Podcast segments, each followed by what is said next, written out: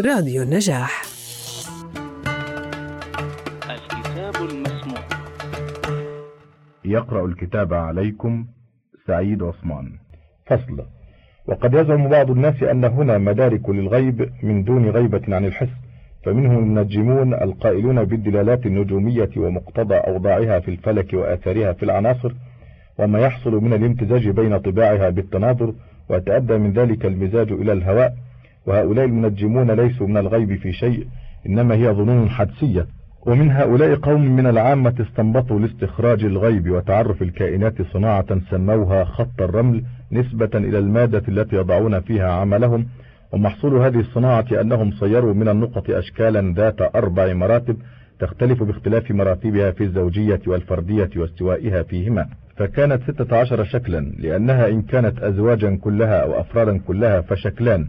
وإن كان الفرد فيهما في مرتبة واحدة فقط فأربعة أشكال وإن كان الفرد في مرتبتين فستة أشكال وإن كان في ثلاث مراتب فأربعة أشكال جاءت ستة عشر شكلا ميزوها كلها بأسمائها وأنواعها إلى سعود ونحوس شأن الكواكب وجعلوا لها ستة عشر بيتا طبيعية بزعمهم وكأنها البروج الإثنى عشر التي للفلك والأوتاد الأربعة. وجعلوا لكل شكل منها بيتا وخطوطا ودلالة على صنف من موجودات عالم العناصر يختص به. واستنبطوا من ذلك فنا حاذوا به فن النجامة ونوع فضائه إلا أن أحكام النجامة مستندة إلى أوضاع طبيعية كما يزعم بطليموس. وهذه إنما مستندها أوضاع تحكيمية وأهواء اتفاقية ولا دليل يقوم على شيء منها. ويزعمون أن أصل ذلك من النبوات القديمة في العالم وربما نسبوها إلى دانيال أو إلى إدريس صلوات الله عليهما شأن الصنائع كلها وربما يدعون مشروعيتها ويحتجون بقوله صلى الله عليه وسلم كان نبي يخط فمن وافق خطه فذاك وليس في الحديث دليل على مشروعية خط الرمل كما يزعمه بعض من لا تحصيل لديه لأن معنى الحديث كان نبي يخط فيأتيه الوحي عند ذلك الخط ولا استحالة في أن يكون ذلك عادة لبعض الأنبياء فمن وافق خطه ذلك النبي فهو ذاك أي فهو صحيح من بين الخط بما عضده من الوحي لذلك النبي الذي كانت عادته أن يأتيه الوحي عند الخط. وأما إذا أخذ ذلك من الخط مجردا من غير موافقة وحي فلا وهذا معنى الحديث والله أعلم. فإذا أرادوا استخراج مغيب بزعمهم عمدوا إلى قرطاس أو رمل أو دقيق فوضعوا النقط سطورا على عدد المراتب الأربع ثم كرروا ذلك أربع مرات فتجيء ستة عشر سطرا ثم يطرحون النقط أزواجا ويضعون ما بقي من كل سطر زوجا كان أو فردا في مرتبته على الترتيب فتجيء أربعة أشكال يضعونها في سطور متتالية ثم سطور يولدون منها أربعة أشكال أخرى من جانب العرض باعتبار كل مرتبة وما قابلها من الشكل بإزائه وما يجتمع منهما من زوج أو فرد فتكون ثمانية أشكال موضوعة في سطر ثم يولدون من كل شكلين شكلا باعتبار ما يجتمع في كل مرتبة من مراتب الشكلين أيضا من زوج أو فرد فتكون أربعة أخرى تحتها ثم يولدون من الأربعة شكلين كذلك تحتها من الشكلين شكلا كذلك تحتهما. ثم من هذا الشكل الخامس عشر مع الشكل الأول شكلا يكون آخر الستة عشر ثم يحكمون على الخط كله بما اقتضته أشكاله من السعودة والنحوسة بالذات والنظر والحلول والامتزاج. والدلالة على أصناف الموجودات وسائر ذلك تحكما غريبا. وكثرت هذه الصناعة في العمران ووضعت فيها التآليف واشتهر فيها الأعلام من المتقدمين والمتأخرين وهي كما رأيت تحكم وهوى. والتحقيق الذي ينبغي أن يكون نصب فكرك أن الغيوب لا تدرك بصناعة البتة. ولا سبيل إلى تعرفها إلا للخواص من البشر المفطورين على الرجوع من عالم الحس إلى عالم الروح. ولذلك يسمي المنجمون هذا الصنف كلهم بالزهريين نسبة إلى ما تقتضيه دلالة الزهرة بزعمهم في أصل موالدهم على إدراك الغيب. فالخط وغيره من هذه إن كان الناظر فيه من أهل هذه الخاصية وقصد بهذه الأمور التي ينظر فيها من النقط أو العظام أو غيرها. إشغال الحس لترجع النفس إلى عالم الروحانيات لحظة ما فهو من باب الطرق بالحصى والنظر في قلوب الحيوانات والمرايا الشفافة كما ذكرناه. وإن لم يكن كذلك وإنما قصد معرفة الغيب بهذه الصناعة وأنها تفيده ذلك فهذر من القول والعمل والله يهدي من يشاء.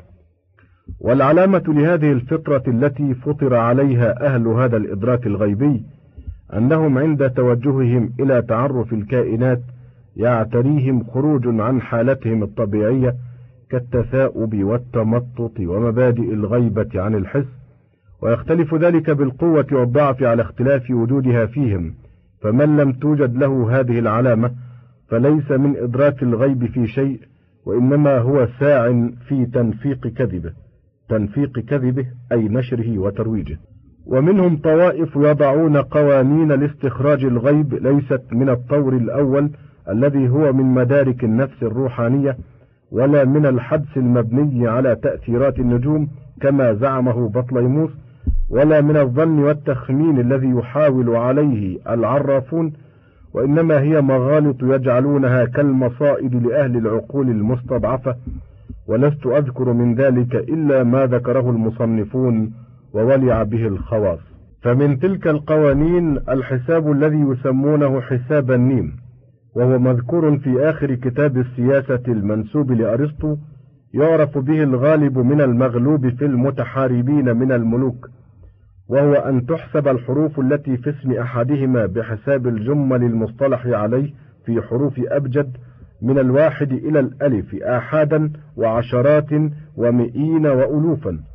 فإذا حسبت الاسم وتحصل لك منه عدد فاحسب اسم الآخر كذلك ثم اطرح من كل واحد منهما تسعة تسعة. واحفظ بقية هذا وبقية هذا. ثم انظر بين العددين الباقيين من حساب الاسمين فإن كان العددان مختلفين في الكمية. وكان معا زوجين أو فردين معا فصاحب الأقل منهما هو الغالب. وإن كان أحدهما زوجا والآخر فردا فصاحب الأكثر هو الغالب. وإن كان متساويين في الكمية وهما معا زوجان فالمطلوب هو الغالب. وإن كان معا فردين فالطالب هو الغالب. ويقال هنالك بيتان في هذا العمل اشتهر بين الناس وهما.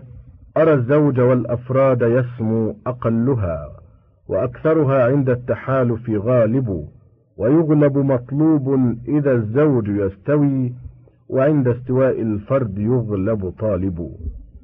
ثم وضعوا لمعرفة ما بقي من الحروف بعد طرحها بتسعة قانونا معروفا عندهم في طرح تسعة. وذلك أنهم جمعوا الحروف الدالة على الواحد في المراتب الأربع وهي ألف الدالة على الواحد وياء الدالة على العشرة وهي واحد في مرتبة العشرات وقاف الدالة على المئة لأنها واحد في مرتبة المئين وشين الدالة على الألف لأنها واحد في مرتبة الآلاف وليس بعد الألف عدد يدل عليه بالحروف لأن الشين هي آخر حروف أبجد. ثم رتبوا هذه الأحرف الأربعة على نسق المراتب. فكان منها كلمة رباعية وهي أيقش ثم فعلوا ذلك بالحروف الدالة على اثنين في المراتب الثلاث وأسقطوا مرتبة الآلاف منها لأنها كانت آخر حروف أبجد فكان مجموع حروف الاثنين في المراتب الثلاث ثلاثة حروف وهي باء الدالة على اثنين في الآحاد وكاف الدالة على اثنين في العشرات وهي عشرون. وراء الدالة على اثنين في المئين وهي مئتان وصيروها كلمة واحدة ثلاثية على نسق المراتب وهي بكر. ثم فعلوا ذلك بالحروف الدالة على ثلاثة فنشأت عنها كلمة جلس. وكذلك إلى آخر حروف أبجد وصارت تسع كلمات نهاية عدد الآحاد وهي أيقش بكر جلس دمت هنس وصخ زعد حفظ تضع مرتبة على توالي الأعداد ولكل كلمة منها عددها الذي هي في مرتبته فالواحد لكلمة أيقش والاثنان لكلمة بكر والثلاثة لكلمة جلس وكذلك إلى التاسعة التي هي تضع فتكون لها التسعة. فإذا أرادوا طرح الاسم بتسعة نظروا كل حرف منه في أي كلمة هو من هذه الكلمات. وأخذوا عددها مكانه ثم جمعوا الأعداد التي يأخذونها بدلا من حروف الاسم فإن كانت زائدة على التسعة أخذوا ما فضل عنها وإلا أخذوه كما هو. ثم يفعلون كذلك بالاسم الآخر وينظرون بين الخارجين بما قدمناه والسر في هذا بين وذلك أن الباقي من كل عقد من عقود الأعداد بطرح تسعة إنما هو واحد فكأنه يجمع عدد العقود خاصة من كل مرتبة فصارت أعداد العقود كأنها آحاد فلا فرق بين الاثنين والعشرين والمئتين والألفين وكلها اثنان وكذلك الثلاثة والثلاثون والثلاثمائة والثلاثة آلاف كلها ثلاثة. فوضعت الأعداد على التوالي دالة على أعداد العقود لا غير وجعلت الحروف الدالة على أصناف العقود في كل كلمة من الآحاد والعشرات والمئين والألوف. في هامش الأصل قوله والألوف فيه نظر لأن الحروف ليس فيها ما يزيد عن الألف كما سبق في كلامه. وصار عدد الكلمة الموضوع عليها نائبا عن كل حرف فيها سواء دل على الآحاد أو العشرات أو المئين فيؤخذ عدد كل كلمة عوضا من الحروف التي فيها. وتجمع كلها إلى آخرها كما قلنا. هذا هو العمل المتداول بين الناس منذ الأمر القديم. وكان بعض من لقيناه من شيوخنا يرى أن الصحيح فيها كلمات أخرى تسعة مكان هذه ومتوالية كتواليها ويفعلون بها في الطرح بتسعة مثل ما يفعلونه بالأخرى سواء وهي هذه. أرب يسقك جزالط مضوس هف تحزن عش خع تضظ. تسع كلمات على توالي العدد ولكل كلمة منها عددها الذي في مرتبته فيها الثلاثي والرباعي والثنائي وليست جارية على أصل مضطرد كما ترى. لكن كان شيوخنا ينقلونها عن شيخ المغرب في هذه المعارف من السيمياء وأسرار الحروف والنجامة وهو أبو العباس بن البناء ويقولون عنه إن العمل بهذه الكلمات في طرح حساب النيم أصح من العمل بكلمات أيقش والله يعلم كيف ذلك. وهذه كلها مدارك للغيب غير مستندة إلى برهان ولا تحقيق والكتاب الذي وجد فيه حساب النيم غير معزو إلى أرسطو عند المحققين لما فيه من الآراء البعيدة عن التحقيق والبرهان. يشهد لك بذلك تصفحه إن كنت من أهل الرسوخ. ومن هذه القوانين الصناعية لاستخراج الغيوب فيما يزعمون الزايرجة المسماة بزايرجة العالم المعزوة إلى أبي العباس سيدي أحمد السبتي من أعلام المتصوفة بالمغرب. كان في آخر المئة السادسة بمراكش ولعهد أبي يعقوب المنصور من ملوك الموحدين. وهي غريبة العمل صناعة وكثير من الخواص يولعون بإفادة الغيب منها بعملها المعروف الملغوز الملغوز أي المبني على الألغاز. فيحرضون بذلك على حل رمزه وكشف غامضه وصورتها التي يقع العمل عندهم فيها دائرة عظيمة داخلها دوائر متوازية للأفلاك والعناصر والمكونات والروحانيات وغير ذلك من أصناف الكائنات والعلوم. وكل دائرة مقسومة بأقسام فلكها إما البروج وإما العناصر أو غيرهما. وخطوط كل قسم مارة إلى المركز ويسمونها الأوتار. وعلى كل وتر حروف متتابعة موضوعة فمنها برشوم الزمام التي هي أشكال الأعداد عند أهل الدواوين والحساب بالمغرب لهذا العهد. ومنها برشوم الغبار المتعارفة في داخل الزايرجة وبين الدوائر أسماء العلوم ومواضع الأكوان وعلى ظاهر الدوائر جدول متكثر البيوت المتقاطعة طولا وعرضا يشتمل على خمسة وخمسين بيتا في العرض ومائة وواحد وثلاثين في الطول جوانب منه معمورة البيوت تارة بالعدد وأخرى بالحروف وجوانب خالية البيوت ولا تعلم نسبة تلك الأعداد في أوضاعها ولا القسمة التي عينت البيوت العامرة من الخالية وحفات الزيرجة أبيات من عروض الطويل أي على وزن البحر الطويل من أوزان الشعر. وحافات الزيرجة أبيات من عروض الطويل على روي اللام المنصوبة تتضمن صورة العمل في استخراج المطلوب من تلك الزيرجة إلا أنها من قبيل الإلغاز في عدم الوضوح والجلاء. وفي بعض جوانب الزيرجة بيت من الشعر منسوب لبعض أكابر أهل الحدثان بالمغرب وهو مالك بن وهيب من علماء أشبيلية كان في الدولة اللمتونية ونص البيت. سؤال عظيم الخلق حزت فصن إذا غرائب شك ضبطه الجد مثلا. وهو البيت المتداول عندهم في العمل لاستخراج الجواب من السؤال في هذه الزيرجة وغيرها. فإذا أرادوا استخراج الجواب عما يسأل عنه من المسائل كتبوا ذلك السؤال وقطعوه حروفا ثم أخذوا الطالع لذلك الوقت من بروج الفلك ودرجها وعمدوا إلى الزايرجة ثم إلى الوتر المكتنف فيها بالبرج الطالع من أوله مارا إلى المركز ثم إلى محيط الدائرة قبالة الطالع. فيأخذون جميع الحروف المكتوبة عليه من أوله إلى آخره والأعداد المرسومة بينهما ويصيرونها حروفا بحساب الجمل وقد ينقلون آحادها إلى العشرات وعشراتها إلى المئين وبالعكس فيهما كما يقتضيه قانون العمل عندهم ويضعونها مع حروف السؤال ويضيفون إلى ذلك جميع ما على الوتر المكتنف بالبرج الثالث من الطالع من الحروف والأعداد من أوله إلى المركز فقط لا يتجاوزونه إلى المحيط. ويفعلون بالأعداد ما فعلوه بالأول ويضيفونها إلى الحروف الأخرى ثم يقطعون حروف البيت الذي هو أصل العمل وقانونه عندهم وهو بيت مالك بن وهيب المتقدم ويضعونها ناحية ثم يضربون عدد درج الطالع في أس البرج وأسه عندهم هو بعد البرج عن آخر المراتب عكس ما عليه الأس عند أهل صناعة الحساب.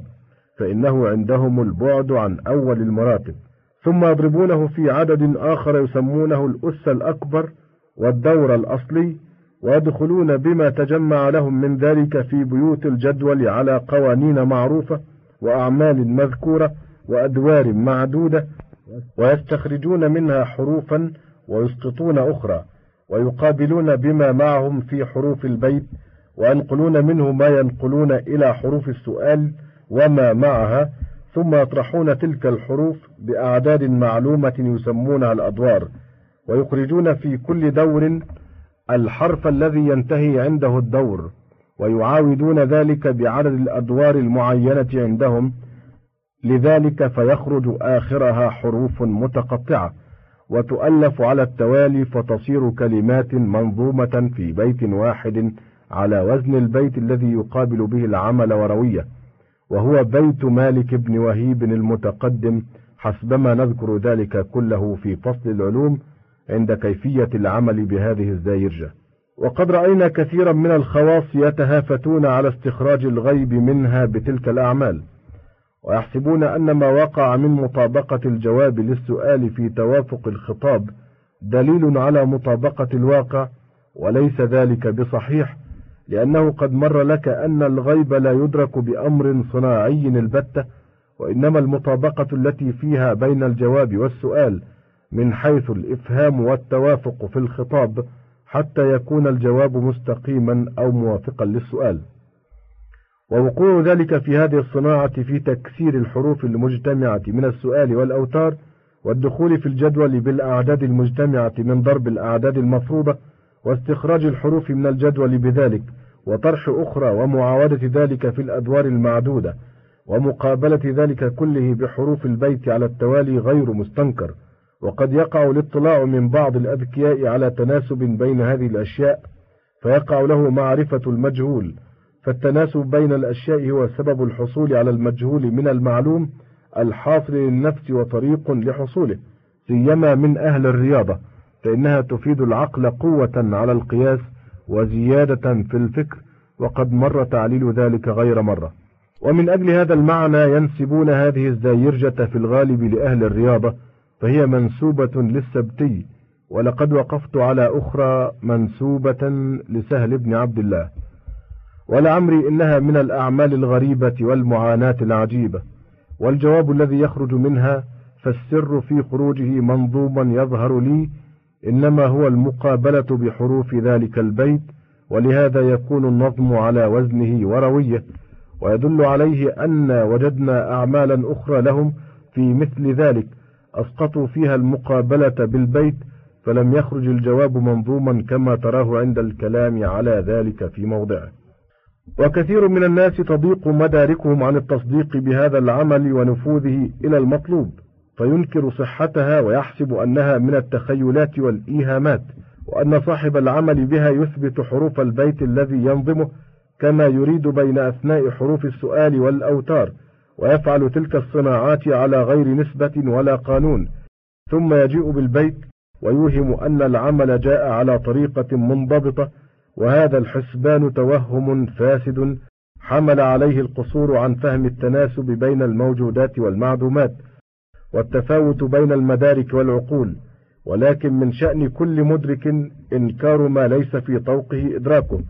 ويكفينا في رد ذلك مشاهدة العمل بهذه الصناعة والحدس القطعي فإنها جاءت بعمل مضطرد وقانون صحيح لا مرية فيه عند من يباشر ذلك ممن له ذكاء وحدس. وإن كان كثير من المعايات في العدد الذي هو أوضح الواضحات يعصر على الفهم إدراكه لبعد النسبة فيه وخفائها فما ظنك بمثل هذا مع خفاء النسبة فيه وغرابتها؟ فلنذكر مسألة من المعاياة يتضح لك بها شيء مما ذكرنا مثاله والمعاياة هي التعقيد الذي لا يكاد يفهم أو يوجد له حل. لو قيل لك خذ عددا من الدراهم واجعل بإزاء كل درهم ثلاثة من الفلوس ثم اجمع الفلوس التي أخذت واشتري بها طائرا ثم اشتري بالدراهم كلها طيورا بسعر ذلك الطائر. فكم الطيور المشتراة بالدراهم؟ فجوابه أن تقول هي تسعة لأنك تعلم أن فلوس الدراهم أربعة وعشرون وأن الثلاثة ثمنها وإن عدة أثمان الواحد ثمانية فإذا جمعت الثمن من الدراهم إلى الثمن الآخر فكان كله ثمن طائر فهي ثمانية طيور عدة أثمان الواحد وتزيد على الثمانية طائرا آخر وهو المشترى بالفلوس المأخوذة أولا وعلى سعره اشتريت بالدراهم فتكون تسعة. فأنت ترى كيف خرج لك الجواب المضمر بسر التناسب الذي بين أعداد المسألة. والوهم أول ما يلقى إليك هذه وأمثلها إنما يجعله من قبيل الغيب الذي لا يمكن معرفته وظهر أن التناسب بين الأمور هو الذي يخرج مجهولها من معلومها وهذا إنما هو في الواقعات الحاصلة في الوجود أو العلم. وأما الكائنات المستقبلة إذا لم تعلم أسباب وقوعها ولا يثبت لها خبر صادق عنها فهو غيب لا يمكن معرفته. وإذا تبين لك ذلك فالأعمال الواقعة في الزايرجة كلها إنما هي في استخراج الجواب من ألفاظ السؤال لأنها كما رأيت استنباط حروف على ترتيب من تلك الحروف بعينها على ترتيب آخر. وسر ذلك إنما هو من تناسب بينهما يطلع عليه بعض دون بعض. فمن عرف ذلك التناسب تيسر عليه استخراج ذلك الجواب بتلك القوانين. والجواب يدل في مقام آخر من حيث موضوع ألفاظه وتراكيبه على وقوع أحد طرفي السؤال من نفي أو إثبات وليس هذا من المقام الأول بل إنما يرجع لمطابقة الكلام لما في الخارج ولا سبيل إلى معرفة ذلك من هذه الأعمال بل البشر محجوبون عنه وقد استأثر الله بعلمه والله يعلم وأنتم لا تعلمون. الآية رقم 232 من سورة البقرة. قدمنا لكم من راديو النجاح برنامج الكتاب المسموع.